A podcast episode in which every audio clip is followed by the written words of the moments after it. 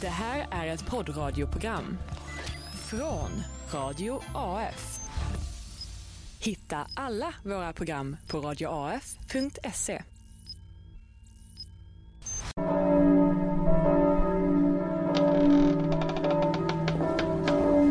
Satan om man skulle känna igen mig nu. Ser ju fruktansvärd ut i håret. Neo. Tjena. Hej!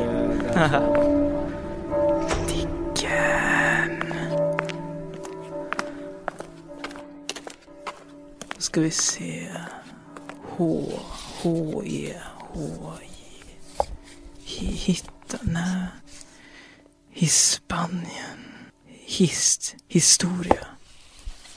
Historicum idiotarum. Välkomna säger vi va? Hej! Hej Knut! Hej Aron! Hej hej! Välkommen till det måttligt intressanta programmet Historicum Idiotarum här på Radio AF. Vi är tillbaka på vanlig sändningstid som är onsdagar klockan åtta, udda veckor. Udda veckor. Med oss har vi då Knut som sagt, Knut byfånen bonde. Hej, hej. Och är det etablerat? Jag etablerade en, en, en gång tänker jag. Aron, paragrafryttaren de Ridder Schorman. Ja men det tycker jag är trevligt. Den som talar är jag, Amandus Skolastiken Gustafsson. Eh, ja, vi, vi, mm. Jag har även fått uppdraget att agera domare den här kvällen inför dessa två historiska idioter som ska lägga fram sina hårt förvärvade historiska rön. Det låter bra. Ja. Mm. Ännu ett kapitel hörni, ska skrivas i volymen Historicum Idiotarum. Ja just det. Jag vet inte om någon hörde det där. Ja men där såg, jag såg den i alla fall. Det här är boken. Ja. Kapitlets titel är Mysteriet Karl den XIIs död. Aha. Just det. För det vet ni ju. Det, Inte det var du långt- med för. Ja, jag, jag, jag är ju redo liksom. Du har väl forskat om Inte långt efter att krigarkungen stupade så började ryktena spridas. Hur dog han egentligen? Nu var det ingen som trodde att det var en naturlig död. Skallen hade ett avsevärt hål i sig. Han dog av ett skott rakt in i tinningen, kära lyssnare.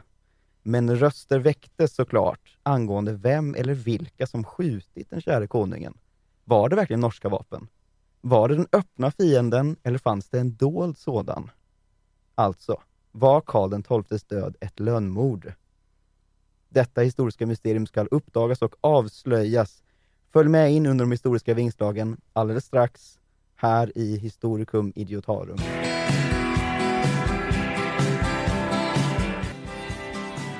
Snowflakes are dancing av eh, Kurt Weill. Uh, bra låt, Bra låt. det tycker jag. Och Mm. det är lite juligt tema.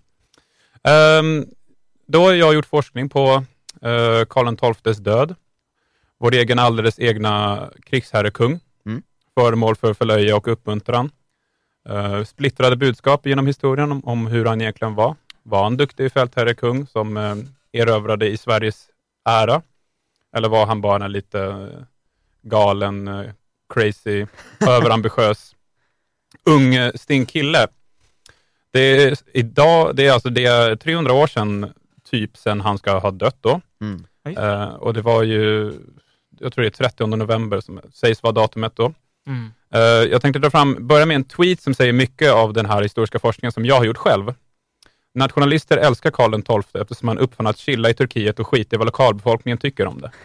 Ja, ja. Och att eh, den här personen då har satt huvudet på spiken. Jag tänker då börja med att gå igenom lite rådande forskningen. Eh, Då gör man sig bäst vid att börja i vad våra ungdomar lär sig i skolan om Karl XII. Mm. Man tar från så kallade SO-rummet, eh, som jag antar är kursplanen till våra högstadieelever. Ja. Eh, Så står det då så här, eh, om då historieskrivningen om Karl XII. Efter andra världskriget hade man fått nog av krig och elände. Då försvann de krigiska hjältarna från skolböckerna. De personer under 1800-talet som hyllade en aggressiv nationalism lyfte ofta fram Karl XII som nationell representant. Karl XII var dock ingen rasist. Rasismen var inte uppfunnen på hans tid. Jag kan veta om ni visste det, med att det var, när det var mycket bättre förr när inte rasismen fanns. Mm. Mm. Så vi behöver inte oroa för, för det finns ju också mycket hyllningar av Karl XII, av, eller idol bland eh, nynazistiska rörelser. Um, vilket är trist, men det är ju konstigt eftersom att han var ju inte rasist. För det fanns ju inte.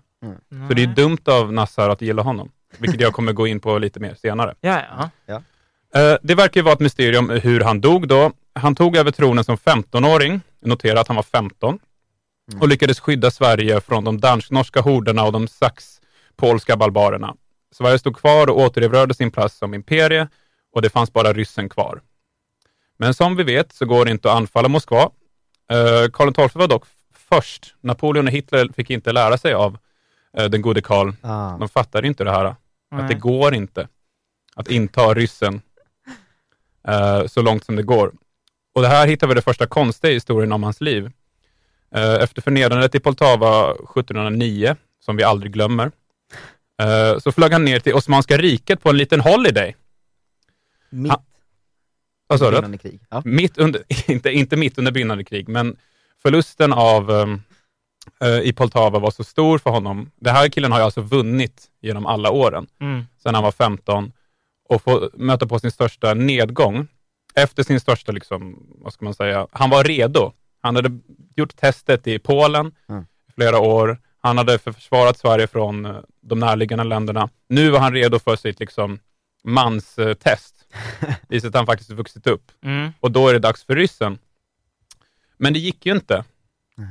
Så därför behövde han då fly ner till Osmanska riket. Eh, intressant grej om hans tid i Osmanska riket var att det var statsfinansierat. Så pass att han fick smeknamnet Fixed Asset Charles. alltså vad är det på svenska? Typ eh, fast egendom. Mm. Du vet, så här, någonting man har i värde som man bara har för att det har värde. Ja. Lite som guld man hade i tiden. Mm. Det är inget sånt här fluktuerande pengar och grejer. Mm. Han var en fixed asset Ja, just det. som man behövde ha. Mm. Han spenderade ungefär fem år i Turkiet. Se, det fanns ingen rasism på den tiden. Nej, det låter bara som en bra charter. Ja, fan vad skönt. Hur kunde det gå så fel nu? Det var enklare på 1700-talet när alla var så snälla. Ja. Där en svensk kung kunde leva som kung även i Osmanska riket. Och att de uppskattade honom också. Mm. Här kommer då en liten nordbo ner till Mellersta Östern och blir så bemött att han blir en egen egendom. Och det var här det började fallera för fast egendom Karl. Han hade druckit kanske för många mojitos, kanske rökt lite gott, kanske haft för lite mycket mat, kanske ätit för mycket kebab, man vet inte. Mannen har inte haft en ledig stund i 15 år. Eh, och sen fick han inte uppnå, uppleva sina tonår som en vanlig kille. Dricka sina första vodkagroggar, hänga hos polarna av föräldrarna efter, efter att ha köpt från vodkabilen.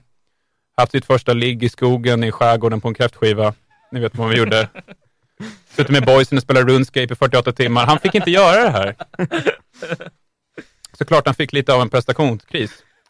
En 30-årskris if you may. Han har inte fått vara ung. Mm. Sen kom han tillbaka till Sverige. Han hade förgyllt det, han hade det med sig som hade förgyllt ungdomsåren som mest. Kebab, lite goda drinkar, lite te, allt sånt där möjligt. Spices. Ehm, och den här killen kom ju tillbaka som en helt ny människa. Efter att få ha det som han aldrig fick ha förut. Och det var där det började fallera. Tints av Anderson Pack. Och där kan Lamar är med på ett hörn, va, tror jag. Det lät så. Ja, det lät så. Ehm, bra grej. Uh, så var det ju hörni. Karl XII i, vad var jag berättelsen? Han var i Osmanska riket och var på väg tillbaka. Och har aldrig fått uppleva sina tonår, vill jag minnas. Han har aldrig fått uppleva sina tonår, så var det lite med honom. Ehm, men till slut så behövde han ju ta sig tillbaka då han fick höra nyheten om att Sverige håller på att bli invaderat av varenda land på jorden. Ehm, Mm. för att de inte haft någon in charge och hans marskalker inte kunde göra så bra nog jobb. Lite tungt. Ja, det är lite tungt då. Så han kände väl, okej, jag släpper den här smekmånaden som varade ändå fem år. Mm. eh, med, eh, för vad som inte berättas mycket om Karl XII är ju att han sägs ju varit avstått från alkohol och, eh, och kvinnor och allt sånt där eh, gött eh, under sin tid som kung. Det är lite ovanlighetens skull för en liksom, regent. Mm. För att han var så insatt i att kriga. Och det var ju det att han var i det. Men vilket gjorde honom ledsen i att han inte fick uppleva det här, vilket han fick göra i Osmanska riket. Så när han väl skulle tillbaka så vart han lite så här less. Han tog ju, det tog några veckor för honom att komma upp. Kanske inte var supersnabb. Kanske Han sprang hasade, inte. han sprang inte så. Hasade lite på vägen, åkte själv. Kanske sånt här, äh, vet man kan åka buss istället för tåg. För att Ja. man, man kommer dit ändå, men det går lite långsammare lite billigare. Ehm, men han var tillbaka i Sverige och då var det dags att kriga igen då, som man sig bör. Då skulle man invadera Norge. 1900, eller 1716. Eh, gick jättebra till en början, men han höll det inte. Han började dra därifrån väldigt snabbt med sina trupper och då undrar man, vad hände här? Nu är det ett till misslyckande Mm. efter den här då stora liksom, skammen som kom över honom i, i Ryssland. Så han försökte igen eh, 1718 eh, då och höll det lite längre, men det var ju där han dog. Mm, just det. Mm. Men hur är det möjligt? Hur kan han tappat allt han har lärt sig i, i Turkiet? Han som var så jävla bra. Mm. Det är nog som den här goda twittraren sa i början. Han uppfann att chilla lite oavsett vad befolkningen tyckte. Ni vet var ordet kalabalik kommer ifrån? Ja. Jag känner igen att det är från det här området va? Ja, det är, frå- det är ett turkiskt ord Ja. eh, ursprungligen. Det betyder typ publik eller folkmassa. Och när för den här fina egendomen eh, Karl var i Turkiet så hade han ju också statsfinansierat besök. Snodde pengar ur den turkiska statskassan helt enkelt. Klart folket blev lack. Demonstrerade mot honom eh, och, så, och därför fick vi då ordet kalabalik. Mm. Mm. Ehm, så den bästa tesen jag har till varför det gick så här fel, jag vet inte om ni har sett bilderna på kraniet eh, på Karl XII. Ja. Jo, många gånger de senaste dagarna. Ser det ut som honom? Egentligen. Det gör inte det va? Ah. Ah. Vad är en mer rimlig förklaring? Mm. Skulle han bara stupit där uppe? Eller har det hänt någonting annat? Han drog tillbaka till Osmanska riket ju. Ni vet ju hur det brukar vara med de här eh, nynazistiska idolerna. Ja. Att de försvinner snarare än att de eh, bara helt plötsligt dör. Ah. En på nytt född lillgammal typ, klart han bailar när det blir jobbigt. Smart nog var han att låta en av sina bästa män ta the blame och sen sticka han när det väl blev jobbigt. Han behövde uppleva sina fina, fria år igen. Ehm, för den tidigare, vad- vad ska jag säga? för jag har gått igenom det här om avledningsmanöver nu när, när man vill få befolkningen att tänka om lite, vad som har hänt. Man skickar ut signaler dit och dit, man gör osäkerhet. Vad var det som hände? Var det svensk? Var det norsk? Var det någon i hans egen? Var det, Ja. var det självförvållat? Nej. Om det finns så många falska historier runt omkring, då är nog den mest enkla förklaringen den rätta. Att han fick nog av det här och ville tillbaka till sina ungdomsår igen och finna lyckan. En 30-årskris. En 30-årskris som varade så pass mycket att han sket i Sveriges intressen. En riktigt dålig nynazistisk idol. Tänk på det.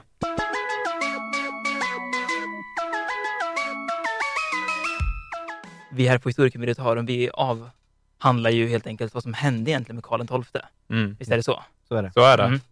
Och det är ju då alltså Sveriges tveklöst största tragedi. Det var, alltså, det var min forskning har visat. Alltså, jag, har, Ah. jag, har, jag har gått igenom eh, alltså, så här, gamla dagböcker och, och liksom så här, militära dokumentationer. Finns de ens? Jag vet inte, men jag har hittat dem. Och, och, och liksom, Oh, wow. ja, men böcker efter böcker. Jag, Hemligstämplade grejer. ja, precis. Oj, oj. För Har du- att, eh, Har du brutit dig in på försvarsanläggningar? Eh, hur som helst, det, eh, mm, att, att då hans död var alltså så, en sån tragedi för Sverige att det liksom förändrade egentligen vår, vår historieskrivning. Mm. Eh, den ödesdigra kvällen i Fredrikshald när kung Karl den XII tog sitt sista stormaktsandetag och fick vila frihetligt. Mm. Mm. Eh, att Sveriges stormaktsdagar inte ens var nära sitt slut vid hans dödsfall, det råder ju faktiskt ingen som helst tvekan om. Men tyvärr till följd av denna tragedi var Sveriges höga potential att bli ett världsherravälde numera blott en dröm. Så vad var det som hade hänt?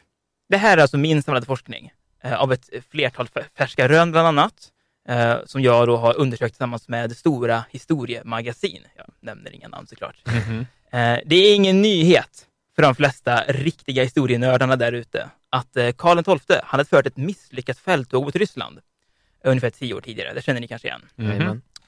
Eh, där hade de bland annat eh, mötts ute i Svensksund via skepp och där eh, Carlos tappra insatser höll tillbaka de aggressiva ryssarna. Mm. Mm. Mm. Hur, hur som helst, eh, Karl XII han insåg behovet att rikta blicken åt ett annat håll. Eh, medan ryssarna hölls undan i öster så kom dock ett stort bakslag i södra Sverige. Det var danskar. Mm. Mm. Mm. Känner till, de är alltid där. De är där. De är där. Och att fighta bort danskar är inte det lättaste. Nej. Eh, inte minst när man man befinner sig nere, eh, alltså nästan nere i Tyskland. Han var tvungen att ta sig dit efter Svensksund. Ja. ehm, så. Ja. Eh, och ehm, då om, om danskarna är liksom i södra Sverige och attackerar, hur ska man liksom kunna nå dem då? Det finns ju liksom ingen lösning på det här. Nej. Genidraget som Karl XII drar fram ur sin briljanta strategihjärna kommer få er att tappa hakan. Eftersom det var vinter, Ja. mm, då hade det här sundet frusit i is. Något som Karl Ah. XII kunde utnyttja genom att helt enkelt ja, tåga över sundet Yes. hela vägen till Fyn, vilket pressade ner danskarna fullständigt. Mm. Att påstå att Sverige hade kontroll över läget i det här stora nordiska kriget, ja, det är faktiskt en underdrift. Karl XII visste exakt vad som försiggick. Sen när Carlos mål, Norge, blev ett problem västerut, då fanns inget för honom att göra utom en enda sak. Det var långt bort. Han var tvungen att bege sig dit, och det snabbt. För att lyckas leda sina trupper som den järnhårda general han var. Var han kvar på isen då? Eh, ja, han var fortfarande, han hade tag, intagit Fyn. här ja, okej. ja. Eh, snön hade dock fallit och det var en väldigt lång väg bort till Fredrikshald. Mm. Så kungen såg bara en lösning. Han drog på sig skidorna och påbörjade sin nio mils långa resa västerut.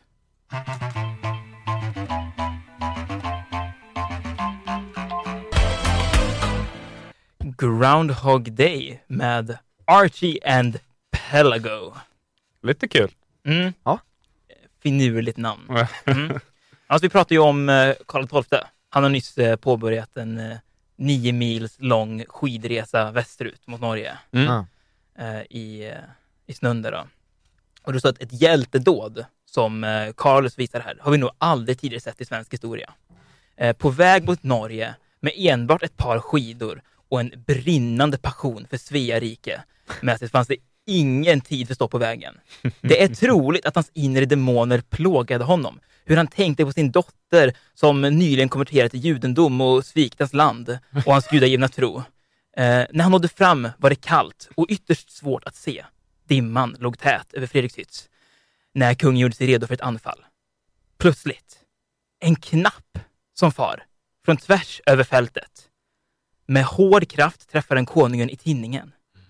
Aj, skrek han till och höll sin hand mot tinningen för att stilla smärtan. Hade han otur skulle han få ett blåmärke. Hur som helst, eh, med hjältemodet från konungen, älgen från Skandinavien, var norrmännen klart underlägsna. För Sverige i tiden. Sverige hade segrat och stormaktstiden pågick fortfarande. Så i den traditionella historieskrivningen, då brukar man förklara att det här slaget, det förlorades Mm. enbart för att inte ge styrka åt det faktum att Svea rike vid det här laget fortfarande hade potentialen att ena norra hemisfären under en och samma flagga. Eh, dock var inte fallet så. De hade segrat, Sverige var starka och de var sugna på att rulla hatt för att fira sin seger.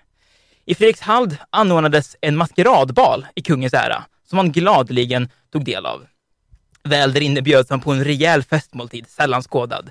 Flera källor förklarar hur kungen tog skål efter skål av ärtsoppa, trots att han började blekna med kvällens gång. Mm. Plötsligt kliver en maskerad man fram och väser till kungen. Är du sugen på efterrätt? Den maskerade mannen, klart han var maskerad, det var ju maskeradbal, lämnade ett gigantiskt fat av semlor på bordet. Carolus kunde inte motstå det. Senaste gången han ätit en sötsak, ja det var under perioden i södra Tyskland.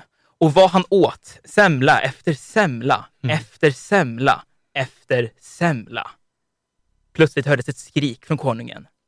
Det redan bleka ansiktet hade förlorat all möjlig färg. Han blev bortburen till närmsta säng där han förklarades död.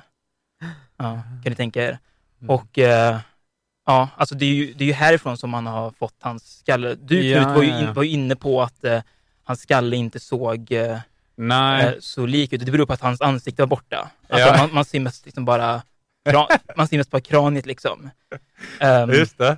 Det är lite oklart exakt varför eh, det är skotthål i tidningen, men troligtvis så kom Christer Pettersson fram och sköt honom. Eh, Karl XII, blårocken, Skandinaviens största konung, var död. Han kom att sörjas av ett helt land, men inte minst av sina närmsta kamrater Axel Oxenstierna, Sigismund och Magnus Gabriel de la Gardie. Hans kropp blev buren hem till Sverige, precis som på den där bilden, och hans fru var det nu igen, Eleonora, underrättades om rikets förlust. De inblandade rikena i det stora nordiska kriget la ner sina vapen och freden i Brömsebro skrevs under. Och bara så där var svensk stormaktstid över för denna gången Dius Vult.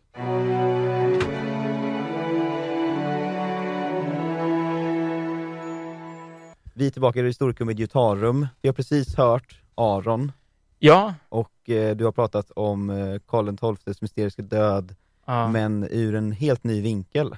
Ja, en som har fördolts av historieskrivningen och en som man ofta då försöker fördölja för att man vill inte man vill liksom inte delge den här episka berättelsen om vem vår konung var, Carlos Rex. Just det, och Mm. då undrar jag som domare i det här Mm. programmet, vad är det för motiv som ligger bakom att dölja? Vad finns det för intressen?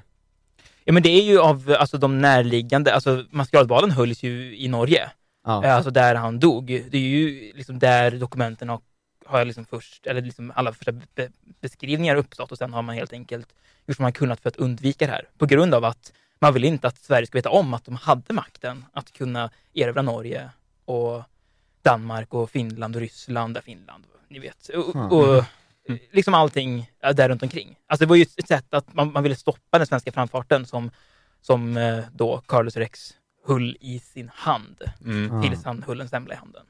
Så Nor- Norge har alltså inte bara tagit eh, Nobels fredspris utan också delar av vår historia. De har liksom tagit alltså vår, alltså vårt imperium. Oj, oj, oj. Ja. Ja, i alla fall tanken om imperiet i så fall.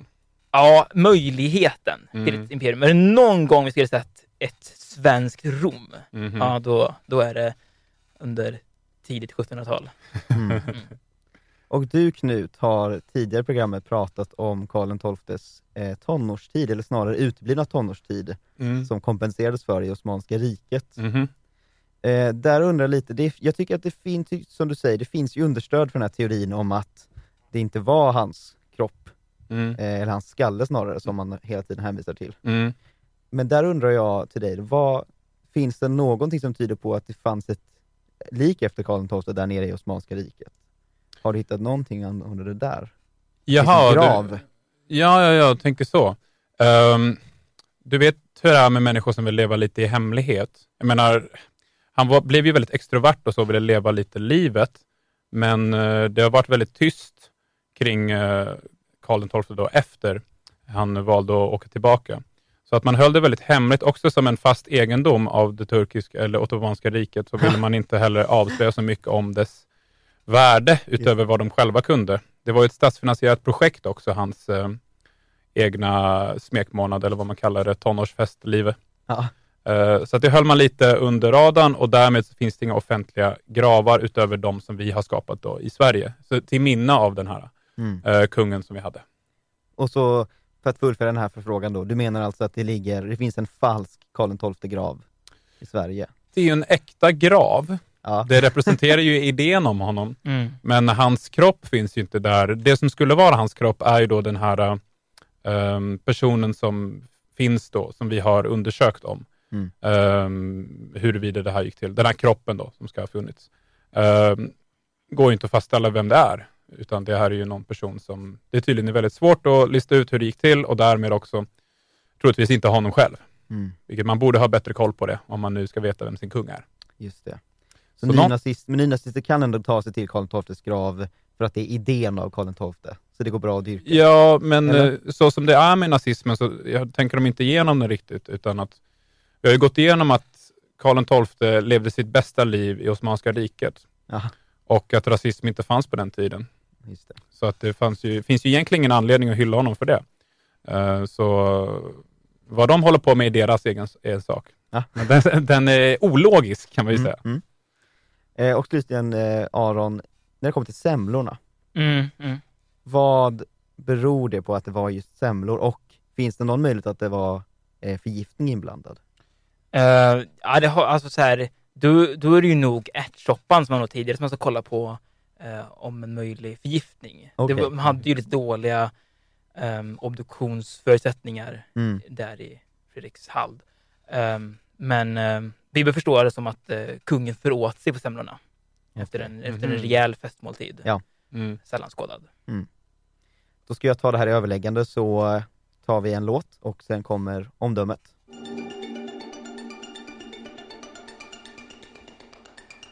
XXX Little Jinder här i Historikum Idiotarum på Radio AF.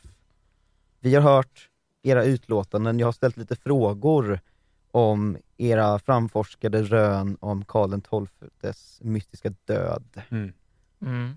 Och vi börjar med dig Knut. Dina Ja. rön är ju, som vi alla tycker, intressanta. Jag tycker de har gott underlag. Eh, med Fästarkungen och med kalabalik-teorin där, som vi kan säga att du lanserade.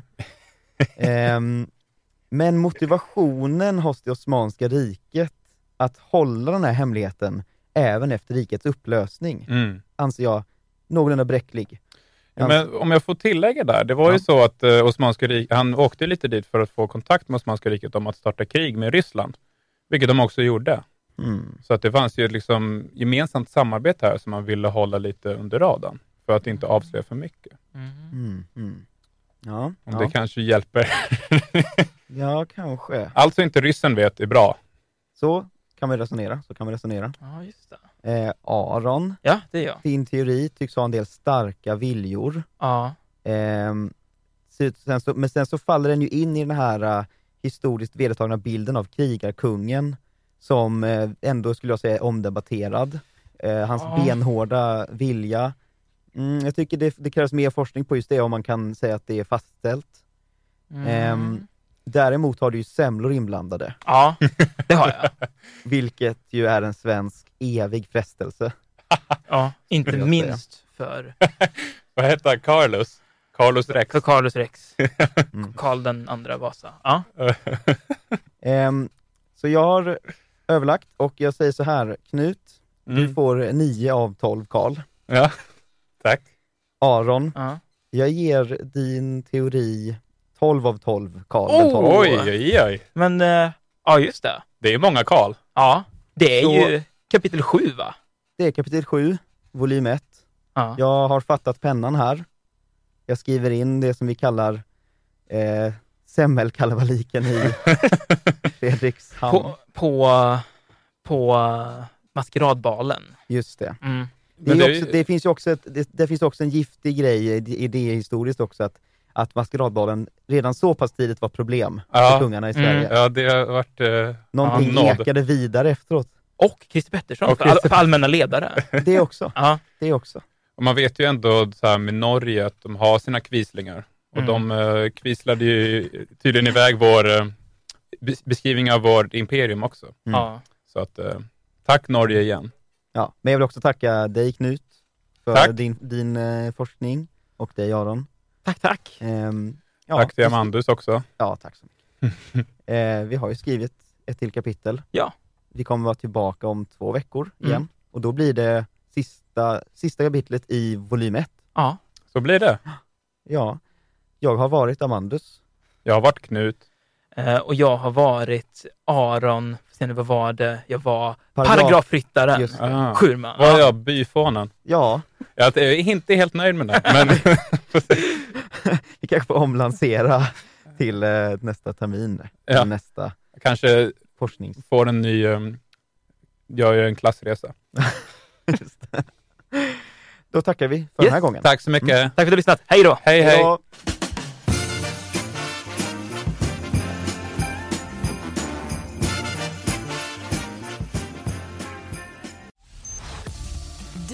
Lyssnat på ett poddradioprogram från Radio AF. Hitta alla våra program på radioaf.se.